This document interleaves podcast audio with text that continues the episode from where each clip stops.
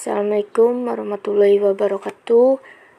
Perkenalkan, nama saya Rosiana dari Prodi Teknik Elektro Fakultas Teknologi Industri.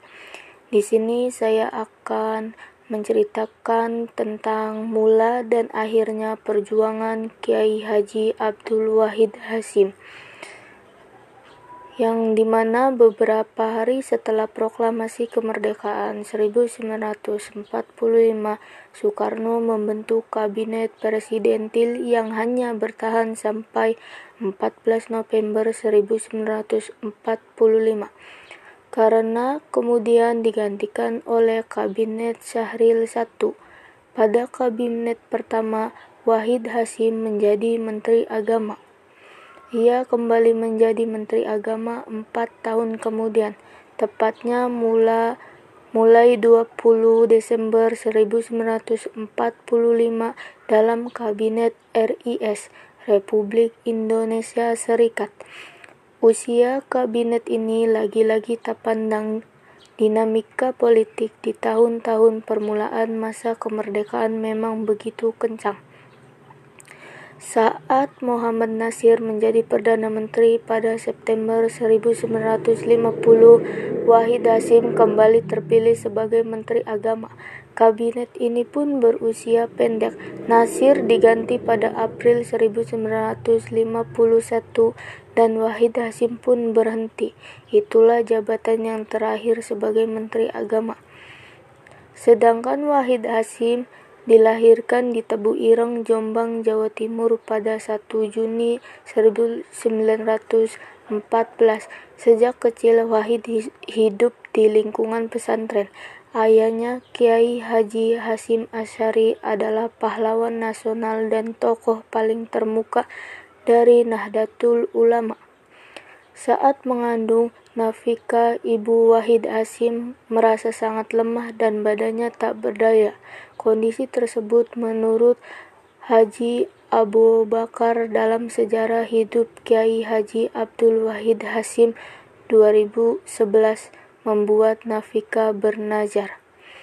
Bila bayi dalam kandunganku ini nanti lahir dengan selamat, tiada kurang suatu apa pun setelah badanku segar dan kuat kembali akan kubawa ia menghadap kepada bekas guru ayahnya di Madura, yaitu Kiai Muhammad Khalil Bangkala.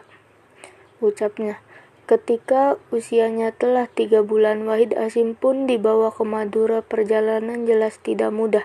Mereka mula-mula naik kereta api yang penuh sesak oleh para pedagang. Mereka sempat kesulitan mendapatkan tempat duduk. Sesampainya di pelabuhan, suasana bertambah ramai. Setelah menyeberang dan sampai di Pulau Madura, mereka melanjutkan perjalanan menggunakan dokar. Hujan deras dan guntur bersahutan ketika mereka tiba di rumah yang dituju. Pelopor Pendidikan Agama Warsa 1932 Wahid berangkat ke Mekah bersama sepupunya. Di kota suci itu ia memahirkan bahasa Arab dan ilmu-ilmu lainnya. Orang-orang Mekah kagum akan kemahiran bahasa Arab Wahid. Menurut catatan Tempo dalam Wahid Hasim untuk Republik dari Tebu Ireng. Ia malah telah menguasai dua bahasa asing pada usia 15 tahun. Ia juga seorang membaca yang lahap, termasuk rajin membaca sejumlah media seperti penjebar semangat, daulat rakyat, dan Panji Pustaka. Sementara dari luar negeri ia membaca Umul Quran, Sautul Hijat, Al-Latuiful, dan lain sebagainya.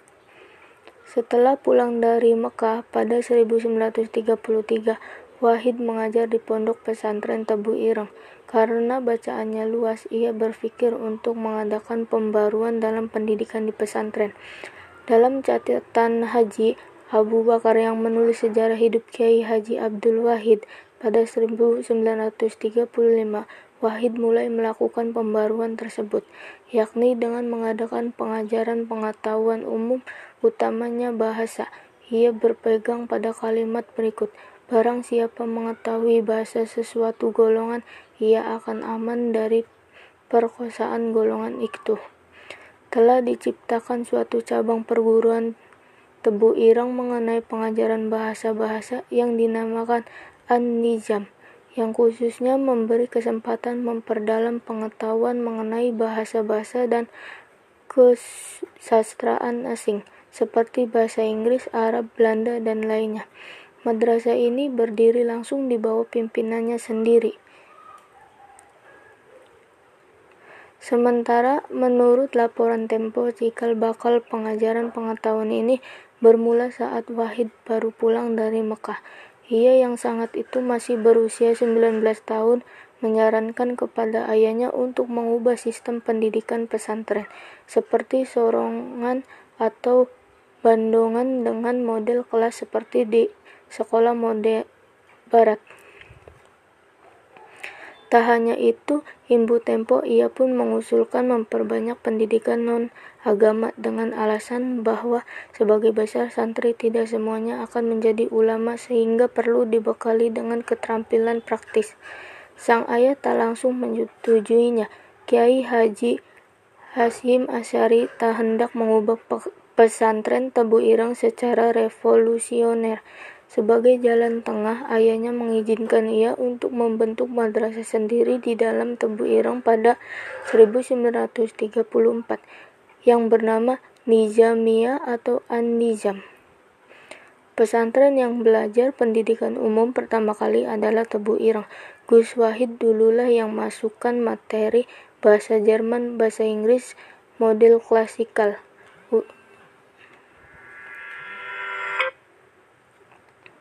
Ucap Kiai Haji Imam Tauhid yang puluhan tahun sempat mengurus kesepuhan pondok pesantren Tebu Ireng sebagai dikutip Tempo.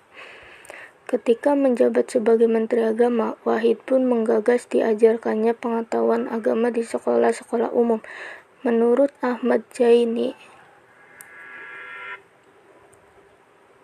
penulis buku Kiai Haji Abdul Wahid Hasim, pembaru pendidikan Islam dan pejuang kemerdekaan, seperti diungkapkannya kepada Tempo.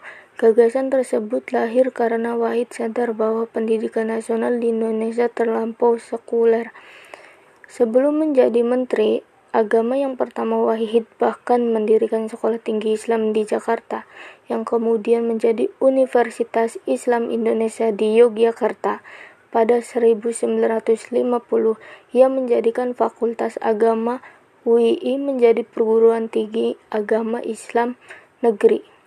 Sementara pada 1957 didirikan juga Akademis Dinas Ilmu Agama. Tiga tahun kemudian, kedua perguruan tinggi ini dilebur menjadi Institut Agama Islam Negeri. Pada perjalanan perguruan tinggi Islam di Indonesia, kian berkembang. Kiwari tak hanya IAIN tapi ada juga Universitas Islam Negeri UIN dan Sekolah Tinggi Agama Islam Negeri.